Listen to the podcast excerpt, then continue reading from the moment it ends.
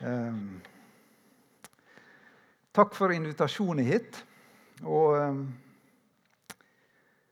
jeg tror jeg vil begynne med det som vi har vært innom allerede. Er alle prega av det som skjer i vår egen verdensdel på så mange måter. Og mange har fått en ny helt de siste dagene. Nå trodde jeg det skulle skifte bilde. Har vi en grunn til det ikke skjer.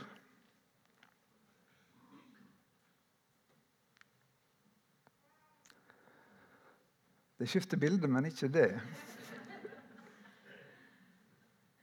Der, takk skal du ha.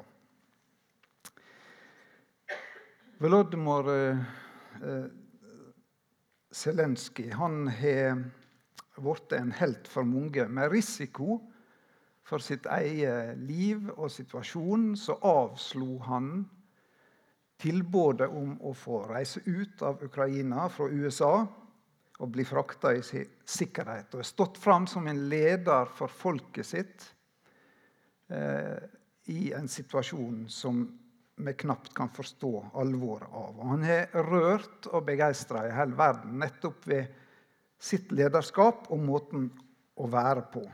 Han har gitt seg til ei større sak eh, og motivert folket sitt for å kjempe for den saken. Men teksten vår fra Bibelen den handler om en annen helt. La oss be. Himmelske Far, vi ber for Ukrainas land og folk. La vondskapen og hatet stoppe oppe og utfolde seg. Det ber vi om. Vær nær alle som lir. Så ber vi for oss som er samla her, for å møte deg. Vi ber for søndagsskolen. Vi ber for oss som er her. La din hellige ande gjøre orda levende for oss, slik at det skaper tru, håp og framtid for hver eneste en av oss. Vi er for oss alle at du må skape ei tru i, vårt, i vår sjel og i vårt sinn som er bærende gjennom hele livet, også i livets mørkeste stunder. Amen. Onsdag var det 40 dager til påske. Det er fastetid. Og dette er første søndag i faste. Eh, faste har hatt veldig lite fokus blant evangeliske kristne i Norge, bortsett fra at det er en periode i, i kirkeåret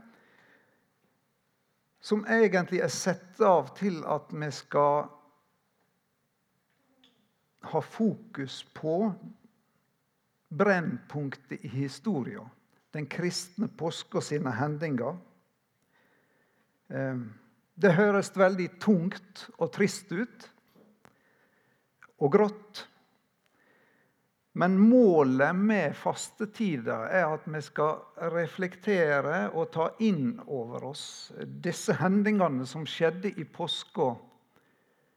Ikke bare i forbifarta, men at vi skal ta inn over oss det som skjedde,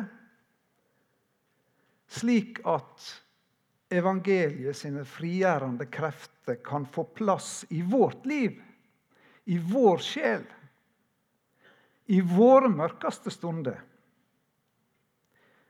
For vi også vil møte det vonde i våre liv. På så mange måter. Vondskapens krefter er i spill i verden.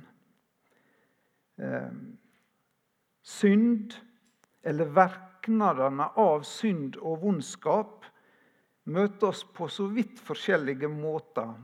I alt fra sykdom og død til konflikt, hat, fiendskap, vanskelige kollegeskap osv. Og vi vet at vi alle før eller seinere vil møte det vonde på en overveldende måte. Ei tru og en kristendom som ikke konfronterer det vonde, er ikke ei tru som er bærende. Den vil forlise. Derfor faste.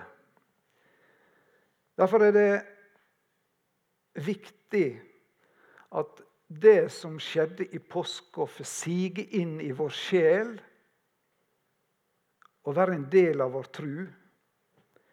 Som gjør at kristendommen ikke bare er noe som er hyggelig når livet smiler, men som er bærende når jeg holder på å gå under.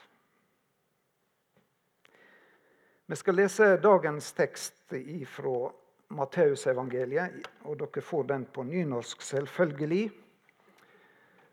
Eh, jeg leser i Jesu navn. Så kom Jesus med læresveinene til en stad som heter Getsemane, og han sa til dem, Sit her medan jeg går bort og bed. Han tok med seg Peter og de to CBD-sønnene når han ble grepen av sorg og gru. Da sa han til dem, Mi sjel er sorgtyngd til døden, vær her og vak med meg. Så gikk han et uh, lite stykke fram, kasta seg ned med andletet mot jorda og ba. Far, er det råd, så la dette begeret gå meg forbi, men ikke som jeg vil, bare som du vil. Da han kom tilbake til læresveinene, fant han dem sovende, og han sa til Peter.: Så makter de ikke å vake med meg en eneste time? Vak og be at de ikke må komme i freisting. Ånda er villig, men kjøtet er veikt. Så gikk han bort at andre gangen og ba. Far, om ikke dette begeret kan gå, med, gå forbi meg, og jeg må tømme det, så la viljen din råde. Da han kom tilbake, så han at de hadde sovna til att, for øynene deres var tunge av søvn. Da let han det være og gikk bort att og ba tredje gangen med samme orda. Så kom han tilbake til læresveinene og sa.: Søv de framleis og hviler. Timen er kommet da menneskesonen skal gjevast over i synderhender. Amen. Sena er Getsemane. Eh, slik eh, ser det ut der de mener det er i dag. Og her skinner sola på det bildet. Det var skjærtorsdagskvelden. Jesus og disiplene hadde vært samla til det siste måltidet. Judas hadde gjort avtale om å svike meisteren. De hadde sunget lovsungen og gikk mot Oljeberget. Jesus fortalte dem at de kom til å forlate ham, og at han skulle dø og stå opp igjen. Jesus elleve læresveiner. Åtte blir igjen i ei gruppe. De tre, Peter, Jakob og Johannes, blir med litt lenger og blir bedt om å vake og be med Jesus. Jesus går videre og ber alene. Tre bønner Tre ganger ber han til Gud sin far med bønner som gir uttrykk for at om det er råd, la meg slippe. Men til slutt la de vilje skje. Læresveinene ber ikke, de sover. Både de tre næreste, men også de åtte andre. Jesus er i indre kamp med seg sjøl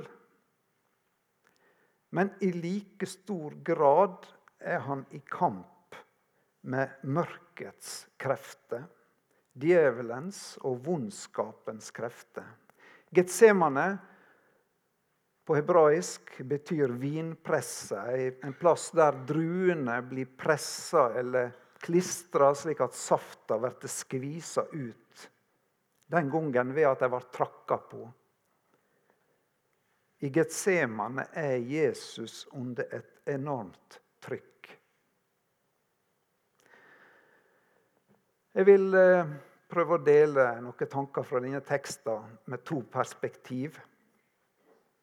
Det ene fra Guds eller Jesus sitt perspektiv, og det andre fra læresveinene eller mennesket sitt perspektiv. Jesus er min helt. Jesus er Getsemane fra Getsemane sin helt. Jesus skal vi lovprise og takke for det som her skjedde.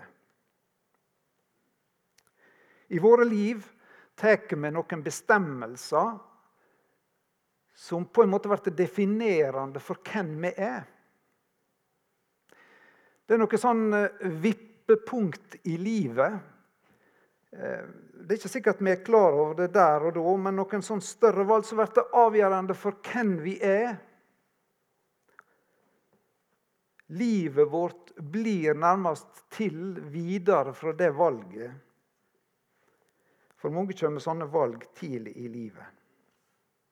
Så hvem er Jesus? Han er Gud. Han er Guds sønn. Han er den som alle ting har blitt til ved. Han er bildet av Guds vesen. Jesaja sier at herreveldet er lagt på hans skulder. Han er underfull rådgiver, veldig Gud, evig far og fredsfyrste. Men han er også barnet som ble unnfanga ved Den hellige ånd, født av jomfru Maria i fillebyen Betlehem. På et eller annet tidspunkt før vår tid, sier Efeserbrev 1,4, tok Gud et valg om at det umulige skulle skje. Gud bestemte det i sitt treenige råd at han skulle gjøre et mysterium. Grunnen leser vi i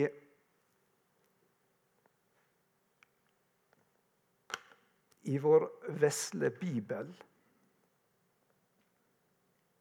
Mysteriet Jesus, at Gud sjøl ble menneske, at han fikk det krypterte navnet Menneskesonen.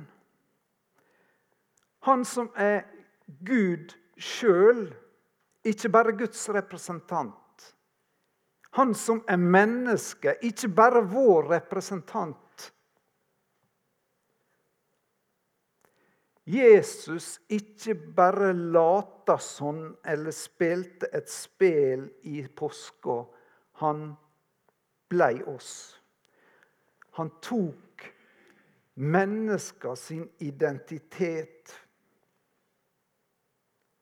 Han kom ikke som en vikar eller innbytter, sånn som møtelederen her i dag. Han kom ikke på en gjesteopptreden der han hadde ei fluktrute ut eller hadde spesielle vilkår. Han ble her, midt i kampen, blant oss. Midt i møte med mørkets krefter og terrorvelde. Det er min helt. Bestemmelsen var tatt en gang i Eva. Da Gud som veit alt, så at vi mennesker var fortapt, sjanseløse i møte med vondskapets krefter.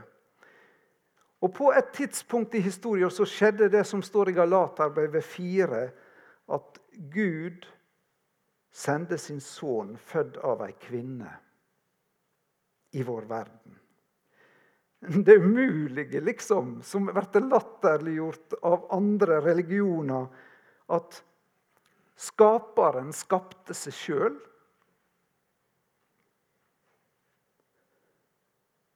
En menneskesønn, sann Gud og sant menneske. Dette gjorde Gud av en lys og en mørk grunn. Den lyse grunnen er at du som sitter på stolen din her i dag, du er uendelig mye verdt i Guds øyne. Du er ikke et resultat av årsak og virkning, en naturlig utvikling, som et naturalistisk menneskesyn sier. Men du er villa, du er skapt, du er forma, du er elska av Gud. På dette menneskesynet hviler demokratiet vårt. Vi er alle uendelig mye verdt slik vi er skapt.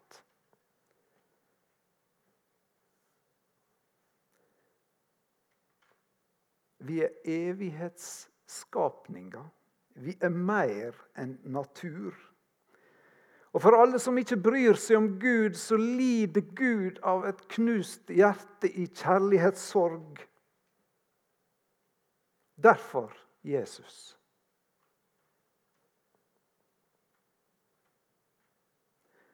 Ingen pris var for stor for deg.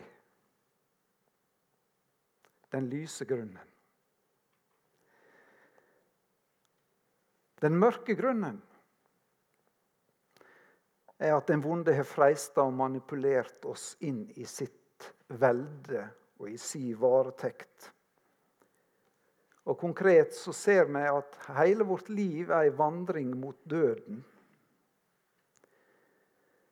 Vi kan kjempe imot, vi kan holde oss friske og spreke, men ingen kan unngå den. Og den vonde herjer i vår verden på så mange plan og på så mange vis. Både i nære og i store relasjoner. Vi er fanga, ute av stand til å frigjøre oss. Mange tenker dette er et veldig negativt syn på mennesket og på tilværet. Men også presse og vitenskap som ikke regner med at det fins en Gud, maler i dag veldig mørke framtidsbilder, både i smått og i stort. Derfor bestemte Gud seg for jeg må handle. Derfor Jesus. For Jesus var Getsemane the point of no return. Det var det siste, definitive steget før oppgjøret med vondskapen og synda. Og her var mørket sine krefter heftig til stede og nær. Som om når en diktator ser nederlaget komme, så kjemper den vonde sida desperat med hele sin hær for å få menneskesonen til å svikte sitt kall og sitt oppdrag. Og det hadde sin effekt.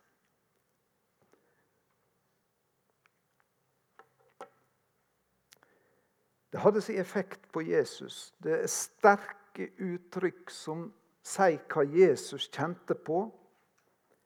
Han var grepen av sorg og gru. Han var sorgtyngt til døden. Han søkte sine næreste for støtte og bønn. Når vi vaker over et menneske, så er det i den siste strid eller i ei stor livskrise som kjemper for sitt liv. Jesus sine næreste, de sov. Jesus fikk ingen lett vei fordi han var Guds sønn. Tvert imot. Han opplever i Getsemane å stå på grensa til gudsforlattheita sitt djupeste mørke og vondskap. Han ser inn i mørket der Gud med sin godhet er borte. Og der Gud ikke er, der er det inga godhet.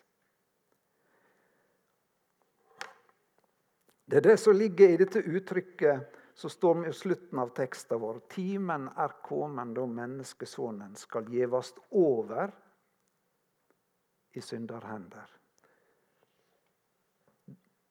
Vondskapen, det vonde, er total og ubegrensa. Det har ingen av oss opplevd.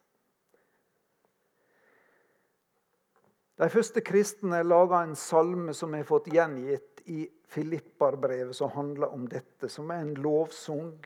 Han var i Guds skapnad og så det ikke som et rov å være Gud lik, men gav avkall på sitt eget, tok på seg en tjenerskapnad og ble menneskelik.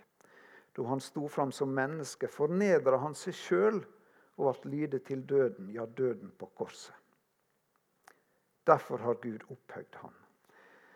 Her er min og din helt, som jeg vil takke, prise og lovsynge. Han valgte ikke en lett vei ut, men han blei med oss i vår sak og kjempa vår kamp. Ære være hans navn.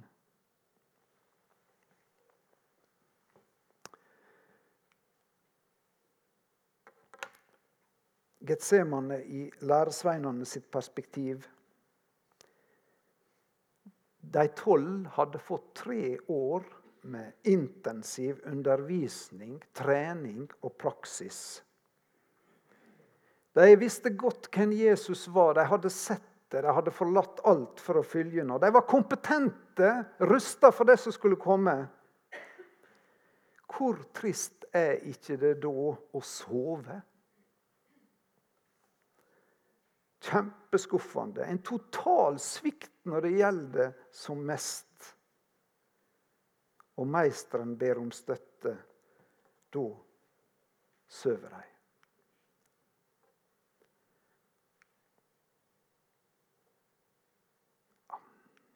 Teknikk, altså. Også de tre læresveinene som hadde sett Jesu herligdom og guddomsskinn på fjellet, Peter, Jakob og Johannes.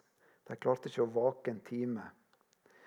Da er det lett at Kåre Liv tenker som Peter tenkte like før når Jesus sa at de ville forlate ham. Og så sa han om alle andre vender seg fra det, skal jeg aldri gjøre det. Eller som Bjørn Eidsvåg synger i en påskesang, det skulle ikke jeg ha gjort. Jeg skulle ha våka sammen med deg.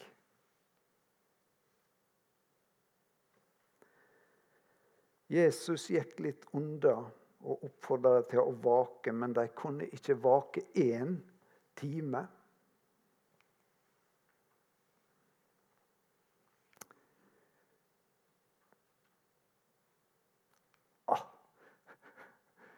Kan du ta en tilbake for meg? Det fungerte dårlig. Takk skal du ha. Ånda er villig, men kjøtet er veikt, sa Jesus. Det er noe mer i det utsagnet enn at 'jeg vil, men jeg får det ikke til'. Det er noe mer enn det som Ibsen sa. Ja, tenke det, ønske det, ville det, men gjøre det? Nei, det skjønner jeg meg jeg meg ikke på. At ånda er villig og kjøtet er veikt, det handler om mennesket sin karakter etter syndefallet. Sømnet til læresveinene og likegyldigheten når det gjaldt som mest, er et uttrykk for synda sin virkning på oss mennesker.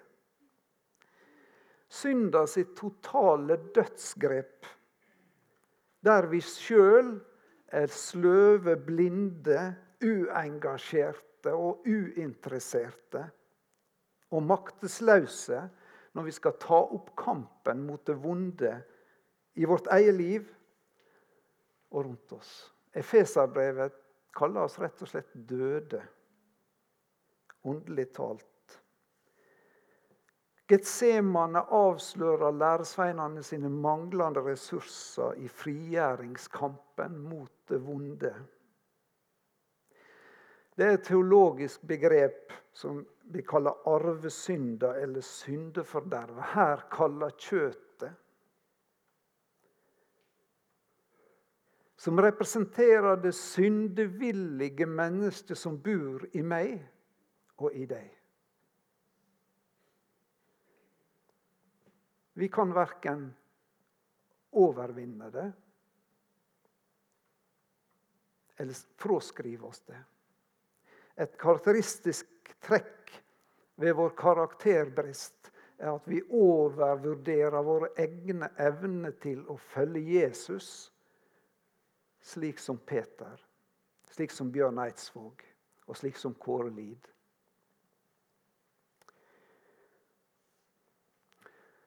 Dette taler Romerbrevet 8 om. Det er noe i oss som ikke vil det gode. Eller erfaringa til Paulus i Romerbrevet 7. Kjenner du på åndelig sløvhet? Kjenner du på det vonde i ditt indre, du som vil være en kristen?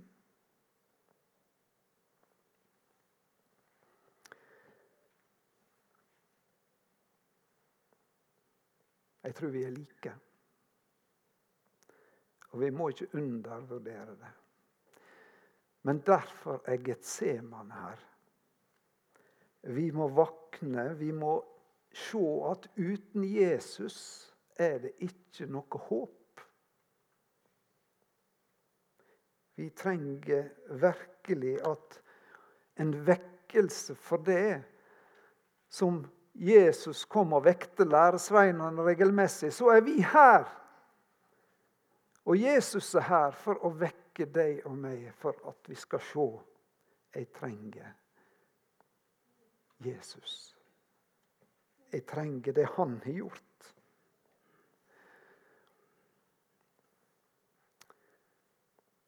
Har du ei lys framtid? Bibelordet forteller oss i dag der er bare ei lyse framtid på Jesu regning og på det han har gjort. Da han ikke valgte letteste vei ut, men han gikk veien om Getsemane, om Gabbata og Golgata og grava for oss. Derfor er vondskapens velde bråte borte og slått.